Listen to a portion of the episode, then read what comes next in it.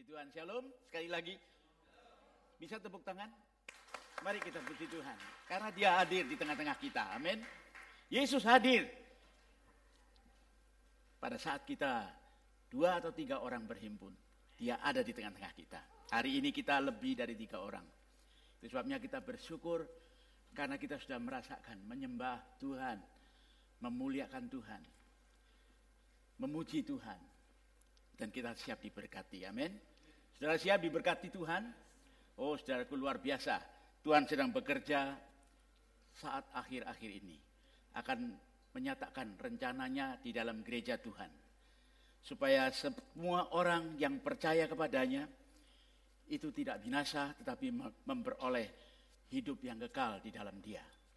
Saudara-saudara yang dikasih Tuhan, kalau saya tadi masuk sampai di sana, saya duduk di bangku belakang, saya lihat tema tahun ini sungguh luar biasa. Ya, God's Word, firman Allah, janji Allah, kuasa yang telah diucapkan Allah. Di dalam bentuk perkataannya itu, dalam bentuk firmannya itu, telah menciptakan langit dan bumi, telah menciptakan seluruh isinya. Oh saudaraku luar biasa. Dan dia sedang bekerja luar biasa. Karena dia tahu iblis juga bekerja lebih giat lagi. Itu sebabnya Tuhan mau bekerja di tengah-tengah gerejanya dan dia akan gunakan setiap orang yang percaya kepadanya untuk bisa meneruskan kuasa firman itu kepada orang lain supaya orang yang duduk dalam kegelapan akan melihat terang akan melihat kuasa Tuhan di nyatakan janji Tuhan digenapi dan kita semua akan terangkat dalam kemuliaan yang kekal. Saudara yang dikasih Tuhan, kuasa firman Tuhan itu luar biasa. Itu sebabnya kita sebagai orang percaya perlu menyadari bahwa apa yang Tuhan sudah berikan kepada kita, baik kita dengar, baik kita baca di dalam Alkitab, semuanya itu mempunyai kuasa. Firman Tuhan tidak akan kembali dengan sia-sia. Itu sebabnya kalau kita terima firman, maka percayalah bahwa kita mempunyai sesuatu yang baru yang diberikan oleh Tuhan, yaitu suatu kekuatan, suatu kuasa yang akan mengubahkan sekitar kita, mengubahkan orang-orang yang di dalam kegelapan tadi. Sehingga oleh karenanya ada satu perubahan yang besar. Kita akan baca sama-sama di dalam uh, Kejadian pasal 41 ya, Kejadian 41 kita akan membaca bersama-sama ayat yang ke-9. Kejadian 41 mari kita baca ayat yang ke-9 ya. Kejadian 41 ya. Saya bacakan demikian firman Tuhan. Lalu berkatalah juru kepala juru minuman kepada Fir'aun, hari ini aku per, merasa perlu menyebutkan kesalahanku yang dahulu.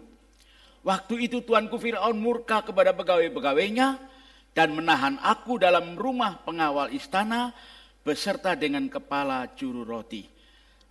Pada suatu malam juga kami bermimpi, aku dan kepala juru roti itu masing-masing mempunyai mimpi dengan artinya sendiri. Bersama-sama dengan kami ada seorang muda Ibrani, hamba kepala pegawai istana itu. Kami menceritakan mimpi kami kepadanya, lalu diartikannya kepada kami mimpi kami masing-masing.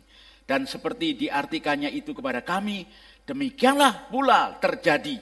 Aku dikembalikan ke dalam pangkatku dan kepala juru roti itu digantung. Saudaraku, kita semua sudah tahu peristiwa ini, saudaraku apa yang telah dialami oleh juru minuman raja Firaun. Dia selamat.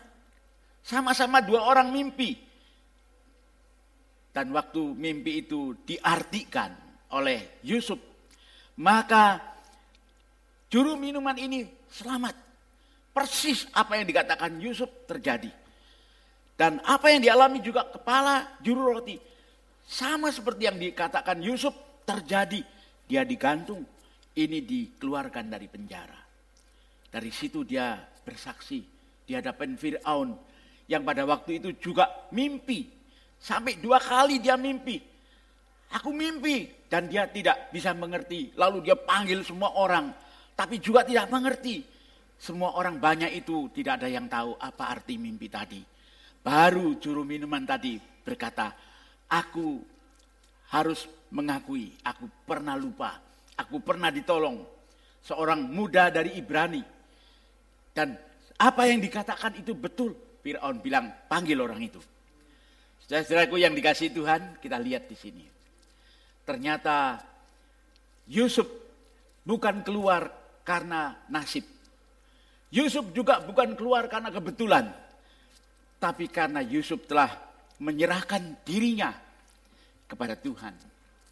Yang telah berjanji bahwa dia akan membuat Yusuf menjadi seorang yang akan melakukan pekerjaan besar.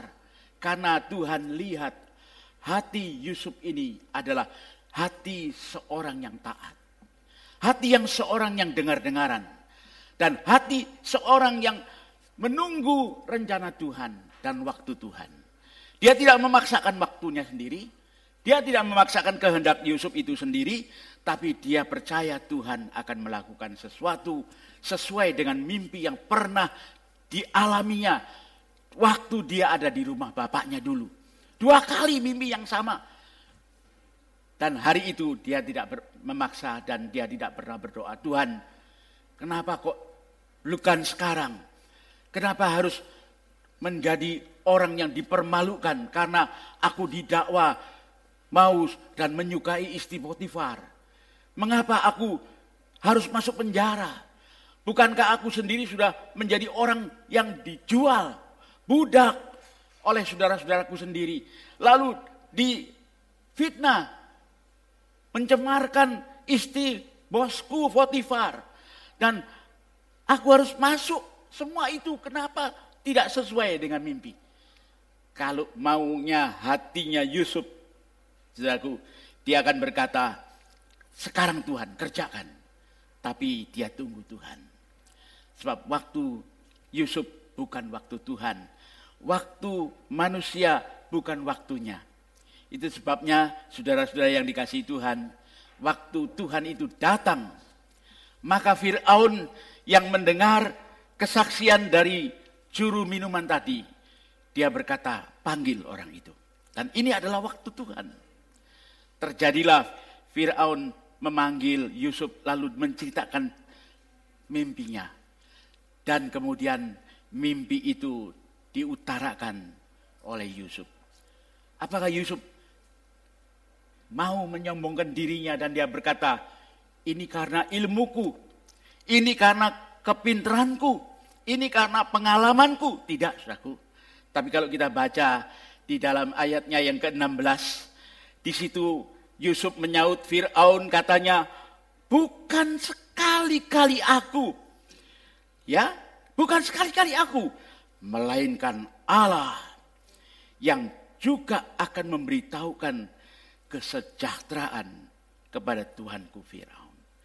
Dia tidak menyebut dirinya, dia tidak menyebut orang lain, dia menyebut Tuhan yang telah berfirman. Dia juga akan berfirman dan menyatakan arti mimpi itu kepada Firaun. Lalu Firaun berkata, apa artinya? Dan semuanya dikatakan ada tujuh tahun yang disebut tahun kelimpahan. Dan ada tujuh tahun yang disebut tahun kekeringan. Tahun di mana banyak kematian terjadi. Saudara-saudaraku yang dikasih Tuhan, lalu Fir'aun tanya sama Yusuf, apa yang harus kami lakukan dengan arti mimpi ini? Dan Yusuf berkata, tujuh tahun itu harus kita dengarkan firman Tuhan. Tujuh tahun kelimpahan Tuhan berkata, di sini semua orang harus rajin bekerja. Di sini semua orang harus punya cara yang baru. Kesempatan yang diberikan oleh Tuhan tidak akan datang lagi untuk kedua kali. Tujuh tahun ini adalah suatu kesempatan emas yang perlu semua orang dengar dan perlu semua orang turut.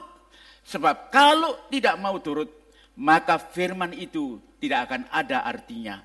Sebab sebentar lagi akan masuk tahun tujuh tahun yang kekeringan dan semua orang yang tidak dengar firman akan masuk ke masa yang kedua ini dan mereka akan mendapatkan kematian, kesulitan dan kesukaran.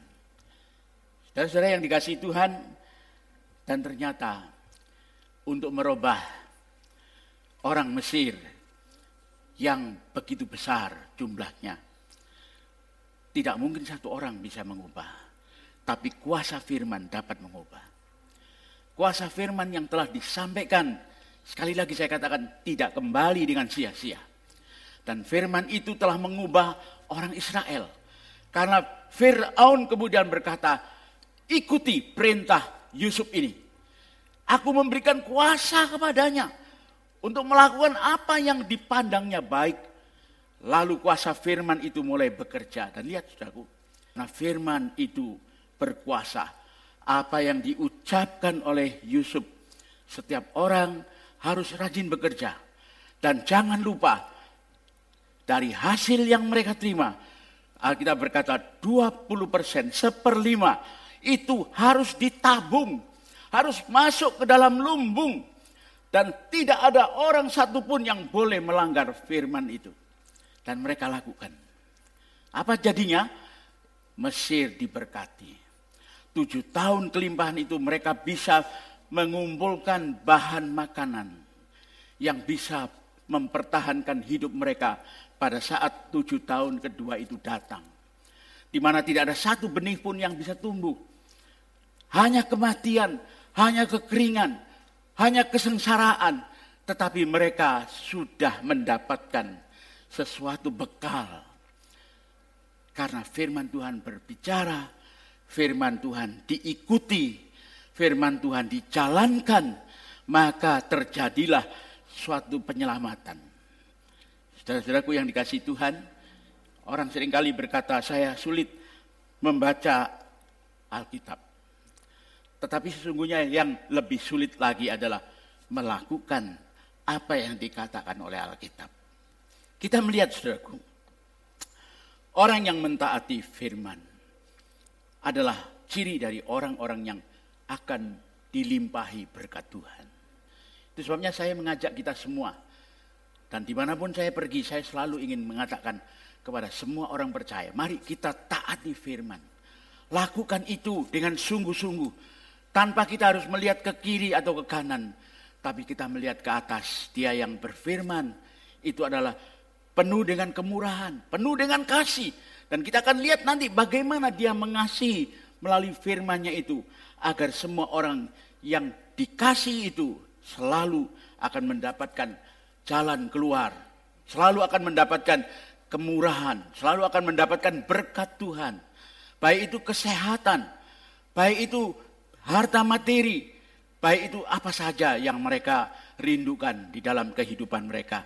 Lihat saudaraku yang kedua, kita melihat bahwa firman Tuhan itu tidak hanya hanya disampaikan kepada orang yang berpangkat seperti Firaun melalui mimpi tadi. Tapi firman Tuhan itu juga tidak melihat kepada tempat, tidak melihat kepada pangkat, tidak melihat kepada keadaan yang menurut manusia itu cocok. Tuhan bisa bekerja di mana saja. Dengan tidak melihat kepada tempat dan keadaan. Tapi yang dilihat Tuhan selalu adalah hati. Hati diperhatikan oleh Tuhan. Dan di sana dia ketemu dengan hati yang percaya, yang taat. Lalu firman itu disampaikan untuk dijalankan. Saudara ingat 400 tahun lamanya Tuhan mencari seorang yang bisa dipakai menjadi satu jalan agar dia bisa datang ke dalam dunia sebagai manusia. Lebih kurang 400 tahun sampai Alkitab itu dari perjanjian lama perjanjian baru ada beberapa lembar yang kosong. Berarti itu ada lembar-lembar di mana firman tidak bicara. Sebab Tuhan sedang mencari keliling Lalu dia ketemu. Di Nazaret ada seorang yang namanya Maria. Lalu dia berkata kepada Jibrail, Jibrail, datanglah ke tempat itu, katakan kepada Maria, engkau adalah wanita yang dikasihi Tuhan. Engkau dipilih Tuhan karena Tuhan melihat hatimu. Hati seorang yang mengasihi Tuhan, yang mau menerima apa yang Tuhan inginkan terjadi di dalam hidupnya. Saudara-saudaraku yang dikasihi Tuhan, kita melihat di sini bahwa firman Tuhan juga datang. Bukan di tempat-tempat yang tinggi, di tempat-tempat yang terhormat seperti Firaun. Tapi dia juga datang di tempat yang biasa. Mari kita baca, saudaraku. Ayat yang kedua yang akan kita lihat adalah kita melihat Lukas pasal 3. Injil Lukas ini bukan tulisan saya, saudaraku. Kita cuma membaca namanya sama juga bukan Lukas tadi. Ada satu Lukas lagi, kembaran saya. ya. Lukas pasal 3 kita akan baca ayat yang ke satu. Ya, dikatakan, eh, sorry, Lukas pasal 3 ayat 1 ya. Dikatakan dalam, perhatikan saudaraku ya, dalam tahun ke-15 dari pemerintahan Kaisar Tiberius ketika Pontius Pilatus menjadi wali negeri Yudea, dan Herodes raja wilayah Galilea, Filipus saudaranya raja wilayah Ituria, dan Trakonitis dan Lisias, Lisinias raja wilayah Abilene, pada waktu Hanas dan Kayafas menjadi imam besar, datanglah firman Allah kepada Yohanes, anak Sakaria. Di mana saudaraku? Di padang gurun. Orang sering kali berkata, firman Tuhan itu pasti datangnya ke gereja. Firman Tuhan itu pasti biasanya datang ke istana. Atau firman Tuhan itu biasanya datang ke bait Allah. Memang saudaraku, itu selalu yang Tuhan kerjakan. Tetapi karena dia melihat hati, saudaraku, maka dia melihat di padang gurun itu ada orang yang namanya Yohanes, anak Sakaria, sedang ada di sana di padang gurun dan firman Tuhan datang kepadanya. Apa kata firman Tuhan di sana? Yohanes beritahu kepada semua orang Israel, bertobatlah karena kerajaan Allah sudah dekat. Oh saudaraku firman ini adalah sesuatu berkat yang luar biasa. Sebab apa? Ternyata Tuhan itu kasih. Maha pengasih. Dia tidak bisa dirubah. Itu sebabnya salah satu buah roh adalah kasih. Saudaraku, dan dia memberikan kesempatan kepada Yohanes untuk memberitakan kasihnya itu kepada semua orang Israel. Bertobatlah karena kerajaan Allah sudah dekat. Saudara-saudara yang dikasih Tuhan, di sini kita melihat ada satu keanehan. Keanehan yang terjadi yang dilakukan oleh Tuhan. Tetapi sekali lagi memang Tuhan tidak melihat rupa, tidak melihat tempat yang baik, tidak melihat tempat yang agung, tapi dia melihat hati. Padahal saudaraku dikatakan di situ ayat yang kedua berkata pada waktu Hanas dan Kayafas menjadi imam besar Saudara tahu siapa Hanas? Hanas adalah imam besar yang pertama. Oh, dia mempunyai tingkat yang tinggi, saudaraku. Yang kedua siapa? Kayafas. Siapakah Kayafas? Dia juga imam besar. Seolah-olah pada waktu itu ada satu kembaran imam besar. Biasanya cuma satu. Imam besar itu di mana-mana cuma satu. Tapi hari itu dikatakan ada dua. Berarti kekuatan kedudukan mereka itu sungguh-sungguh tidak bisa dibantahkan. Ini adalah imam-imam besar yang hebat. Tetapi pertanyaannya adalah mengapa firman Tuhan itu tidak datang kepada mereka? Jawaban sudah saya katakan tadi. Tuhan tidak melihat hati-hati mereka itu menyerah kepada Tuhan. Tuhan tidak melihat Hati yang penuh penyembahan seperti yang dikatakan oleh Yusuf dan seperti yang sudah kita nyanyikan tadi. Ku serahkan seluruh hidupku untuk kemuliaan namamu. Saudara tahu, sadar kita kalau menyanyikan nyanyian itu, pada saat saudara menyanyi, ku serahkan hidupku.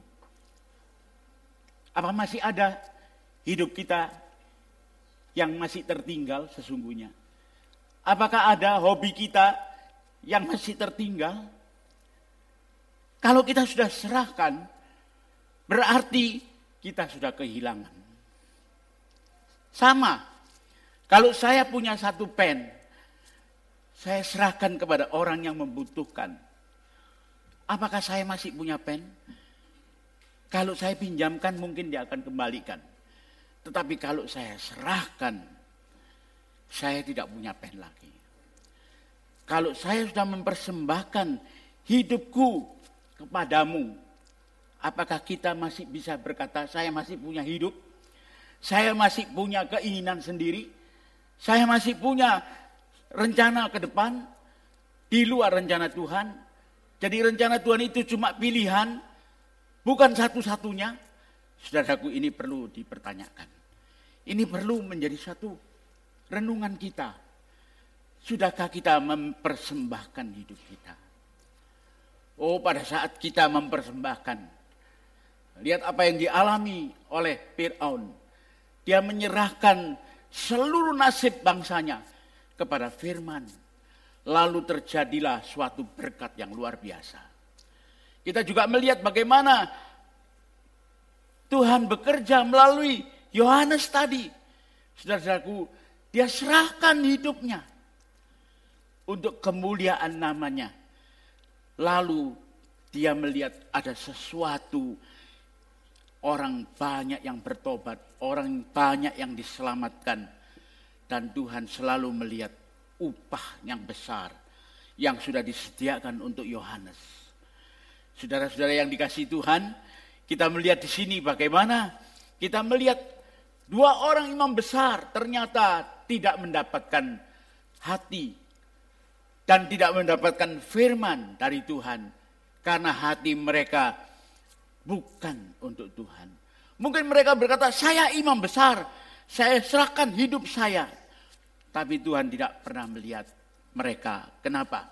Karena sesungguhnya Tuhan melihat hidup mereka belum diserahkan untuk Tuhan sepenuhnya. Saudara-saudara yang dikasih Tuhan, kita melihat lagi ya, ada beberapa orang. Saya ingin sedikit menambahkan saudaraku bahwa me dan di itu awalan-awalan yang bertolak belakang. Misalnya, saya mau menyumbang Artinya saya akan memberi. Tapi kalau di, saya mau disumbang. Artinya saya akan menerima. Satu hari sudah ada seorang ketua yang karena minta maaf ini dia dari Tiongkok ya, masih totok. Tapi dia punya semangat dan saya puji semangatnya itu. Dia ingin menjadi ketua, dari suatu yayasan untuk mencari dana. Tapi dia tidak mampu untuk mengucapkan yang betul. Ya saudaraku, suatu hari dia kumpulkan banyak orang, lalu dia pidato dengan suara yang keras, dia berkata, Saudara-saudara, saya ketua yayasan. Hari ini saya mau menantang Anda. Siapakah di antara saudara yang mau disumbang? Wah, semua angkat tangan. Mau disumbang. Kapan lagi terima sumbangan? Ya, pasang toto, orang di sini sini mungkin banyak yang masih pasang toto di televisi saya lihat. Itu pun jarang dapat. Ini kan kesempatan. Siapa yang mau disumbang? Ya semua angkat tangan. Jangan-jangan ada yang bilang begini, Pak, saudara saya boleh nggak saya bawa nanti besok depan, minggu depan? Untuk disumbang. Wah, semua kepengen bawa saudaranya masing-masing. Tapi maksudnya itu bukannya itu, saudaraku. Dia tidak bisa mengucapkan. Mestinya saudara-saudara saya menantang siapa yang mau menyumbang. Saya lagi ngumpulin dana. Mari siapa yang mau menyumbang catat nama.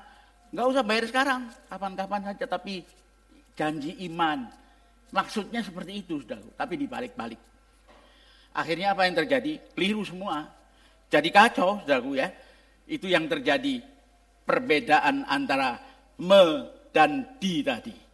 Lalu kita lihat saudaraku sekarang. Mari kita buka ya Injil Lukas pasal 5. Di sini juga kita akan melihat sesuatu yang sedang terjadi. Ayat yang kelima.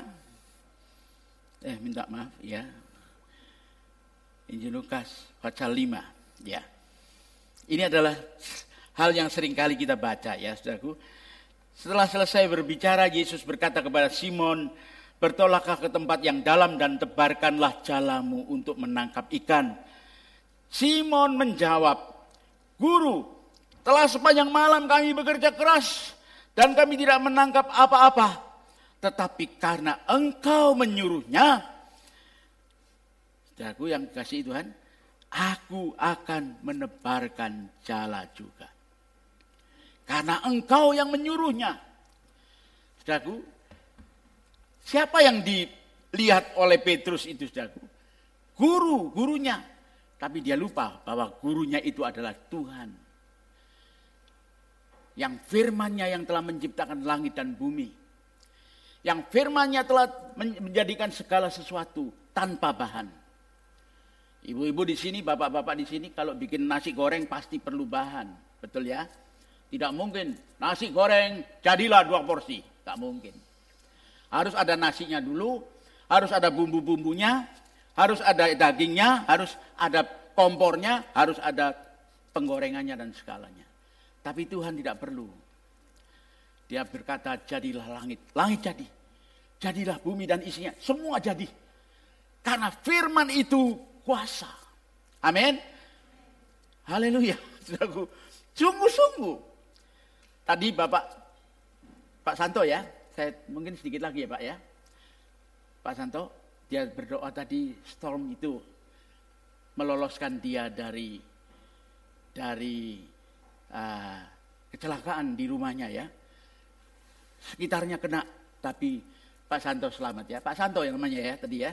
Puji Tuhan, saudaraku, saya juga mengalami hal yang sama. Dan ternyata saya bersyukur Tuhan, terima kasih. Engkau ternyata tidak bekerja di satu tempat, satu tempat. Tapi engkau bekerja di semua tempat. Pada saat ada orang percaya, engkau bekerja di sana. Saya pernah, saudaraku, mengalami waktu saya jalan dengan mobil, saya pulang sendirian dari gereja. Hujan keras, lalu kilat menyambar-nyambar. Itu tiang-tiang listrik, itu kabelnya sudah keluar api semua saudaraku. Di depan saya ada Mercy yang kena sambar geledek itu langsung bisa begini. Ya, tadinya jalan begini, begini. Saya tidak tahu apakah itu sopirnya kaget atau memang itu terkena akibat dari petir tadi. Saya pas di belakangnya. Dan dia lama berhenti di situ, kira-kira ada 10 sekon atau 20 sekon begitu cukup lama. Saya klakson dia, baru dia kaget jalan. Dari situ, saudaraku saya berdoa di mobil yang dalam keadaan yang seperti itu saya berkata, Tuhan janjimu, ya dan amin. Engkau adalah Allah yang hidup, tidak pernah meninggalkan orang-orang yang percaya. Janjimu mengatakan, aku besertamu sampai akhir zaman. Hari ini Tuhan, saya menghadapi suatu persoalan yang besar. Dan firmanmu juga berkata, kalau engkau memiliki iman sekecil Bukan sebesar, sekecil biji sawi. Engkau akan berkata kepada gunung pindah dan gunung itu akan pindah. Dan saya praktekkan itu. Saya berdoa dalam nama Yesus. Segala halilintar, segala hujan yang deras, angin yang deras. Dalam nama Yesus menyingkir, pindah ke tempat lain. Saya tidak tahu siapa yang terima tempat lain ya. saya nggak tahu, tapi yang jelas hari itu saya bisa pulang tidak ada kecelakaan sedikit pun. Saudara-saudara yang dikasih Tuhan, jadi saya ingin katakan jangan ragu-ragu kepada firman Tuhan itu. Petrus dia kelihatannya seperti ragu-ragu. Sudah satu malam kami kerja keras, seekor tidak dapat. Apalagi ini sudah siang, ikan itu sudah turun ke bawah, ke dasar laut. Tapi karena engkau yang bilang, aku lakukan. Tapi saudaraku lihat apa yang dilakukan oleh orang yang coba-coba seperti Simon Petrus ini. Saudara baca ayat itu, dia mendapatkan suatu hasil yang berkelimpahan. Oh, saudaraku ini adalah suatu kuasa. Bukti kuasa bahwa Tuhan tidak pernah bicara dengan kosong. Tuhan juga tidak pernah bicara, saudara periksa di dalam Alkitab ya. Tidak pernah dia datang ke satu tempat untuk mencari seseorang dan dia mendapat jawaban, oh orangnya sedang jalan luar tempat lain. Tuhan tidak pernah gagal. Amin. Dia tidak pernah pergi dan hampa, tidak ada hasil. Dia cari orang sampai di Gadara pun ketemu dengan orang yang sedang menderita. Saudaraku, dia cari di dalam satu gubuk yang reot. Dia ketemu dengan ibu mertua Petrus yang sedang kedinginan sakit dan tidak berdaya. Dia juga ketemu dengan setiap orang. Dia ketemu dengan rombongan yang sedang menangis karena anaknya di kota Naim itu sudah mati. Tuhan selalu mempunyai rencana dan apa yang dikatakan tidak pernah gagal karena firman itu penuh kuasa. Itu sebabnya saudara-saudaraku yang dikasih Tuhan, orang sering kali berpikir perasaan atau berpikir keliru ini. Ya, Tuhan itu bukan kasih. Apalagi kalau kita lihat di dalam perjanjian lama.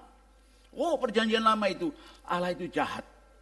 Banyak orang yang masih hari ini berpikir bahwa Allah itu jahat kalau baca. Kenapa? Adam ambil satu buah, Hawa ambil satu buah. Harus diusir dari Firdaus.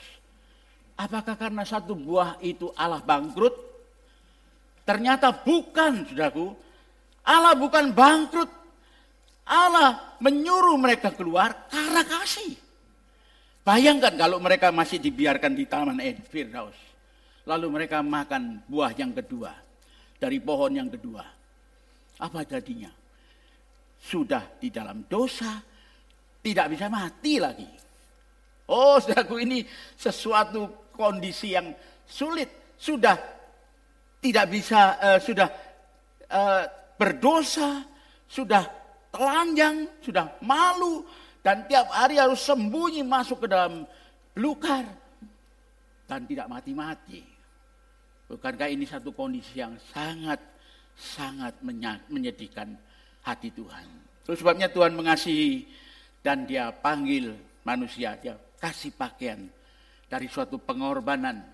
Domba yang disembelih dibuat kulitnya dipakai untuk pakaian lalu mereka disuruh keluar. Memang Indonesia, bahasa Indonesia mengatakan mengusir, tetapi sesungguhnya bukan mengusir. Tuhan sangat mengasihi mereka. Mana buktinya? Buktinya, saudaraku, waktu mereka sudah hidup di luar Taman Firdaus. Ayat atau pasal berikutnya berkata, Hawa mengandung. Maka terjadilah suatu proses kelahiran. Saya mau tanya sama bapak-bapak yang melahir waktu istrinya melahirkan anak pertama, apa yang Anda lakukan? Selain orang Ibrani berkata wirawiri. Sudah tahu ya wirawiri? Gak tahu apa yang dikerjakan.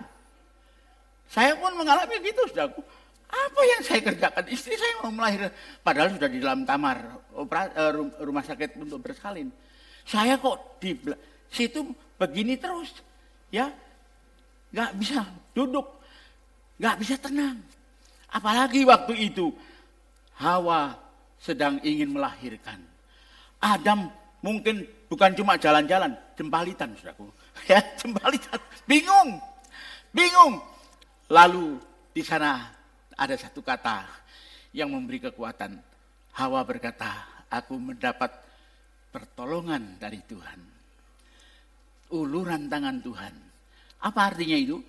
Tuhan mengasihi. Kalau tidak, Hawa akan mati. Kalau tidak, Hawa akan menderita. Tapi Tuhan tolong dia sebagai bidan yang menolong kelahiran Kain. Menolong kelahiran Habil. Sesudah mereka besar. Tuhan ajar Adam dan Hawa, sini nak, ajarkan anak-anakmu, Kain dan Habil ini, untuk mengucap syukur kepadaku. Kalau mereka berusaha bekerja dan mereka mendapatkan hasil dari pekerjaannya, ajarkan mereka bahwa itu untuk Tuhan. Tuhan mengasihi. Supaya apa? Ada rasa memiliki. Oh kain, lihat hasilnya cukup. Tapi apa artinya? Tuhan tidak ikut siram. Tuhan tidak ikut melakukan pekerjaan nyangkul dan sebagainya. Beda dengan Habil. Dia berkata, ini dombaku yang terbaik. Tidak ada cacatnya. Sekarang aku harus serahkan kepada Tuhan. Tetapi karena aku sadar Tuhan sudah mengasihi memelihara. Padahal aku tidak mampu menjadikan dari bayi kambing domba yang tidak berdaya itu. Sampai hari ini dia bisa berumur satu tahun. Aku tidak ikut campur kalau bukan tangan Tuhan yang bekerja. Itu sebabnya aku bawa yang aku kasihi ini. Aku persembahkan kepada Tuhan. Oh saudaraku kita lihat di sini. Ada satu tanda bahwa Tuhan itu mengasihi. Dan hanya orang-orang yang tahu bahwa Tuhan itu mengasihi, dia akan kembali kepada Tuhan dan mengasihi Tuhan. Itu sebabnya saudaraku yang dikasihi Tuhan mengingat waktu. Ya, saya pikir saya kira saya tidak akan melanjutkan apa yang kita sedang renungkan bersama pada hari ini. Tapi mari kita akan kembali dan mengucap syukur. Terima kasih Tuhan bahwa firman-Mu adalah firman yang penuh kasih. Firman-Mu akan membentuk aku menjadi seorang yang berkenan kepadamu. Dan aku tahu setiap kali firman-Mu datang, firman-Mu adalah untuk membentuk aku lebih dekat lagi kepadamu. Dengan demikian tema dari gereja ini akan meneguhkan kita, akan menumbuhkan iman kita, akan memperkuat kita di dalam melakukan segala kehendak Tuhan. Amin. Saya akan ingin mengajak saudara-saudara sekalian untuk menyanyi sekali lagi dan saya ingin mengundang para pemusik satu kali saja kita menyanyi nyanyian yang sudah kita nyanyikan tadi. Bapak, ku persembahkan hidupku sebagai persembahan yang hidup. Kita siapkan hati kita untuk menerima berkat Tuhan dan katakan Tuhan terima kasih. Biarlah apa yang kami baca hari ini adalah firman-Mu yang akan meneguhkan hati kami. Akan mengokohkan iman kami. Haleluya. Mari, kalau tidak ada main yang main musik, ada? Ada ya, lagi dipanggil ya. Hmm, oh ya. Baik. Baik, Pak.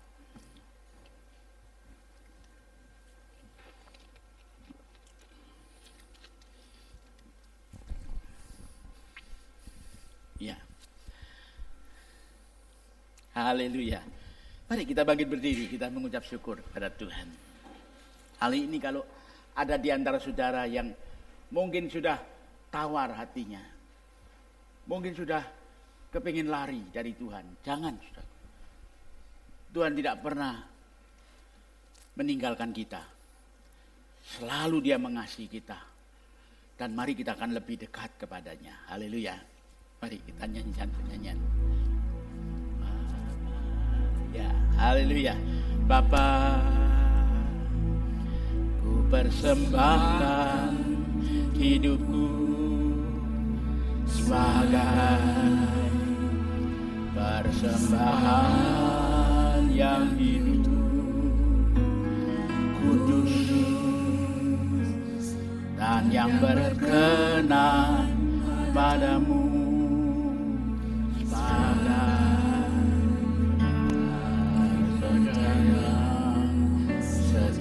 Mari kita angkat tangan. Ku sembah kau. Ku sembah kau.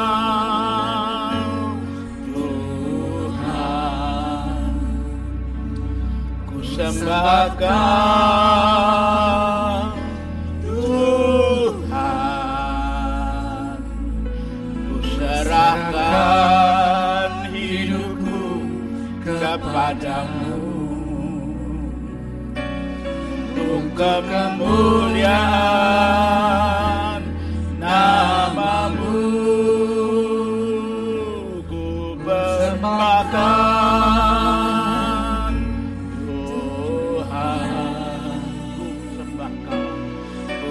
깎아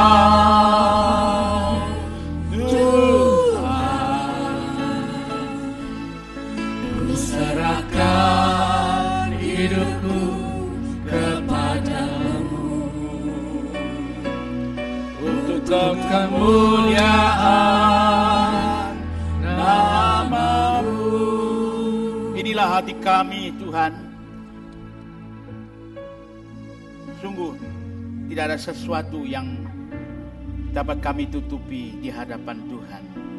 Kau tahu kami ya Bapak. Kau tahu keadaan kami. Kau tahu masalah kami.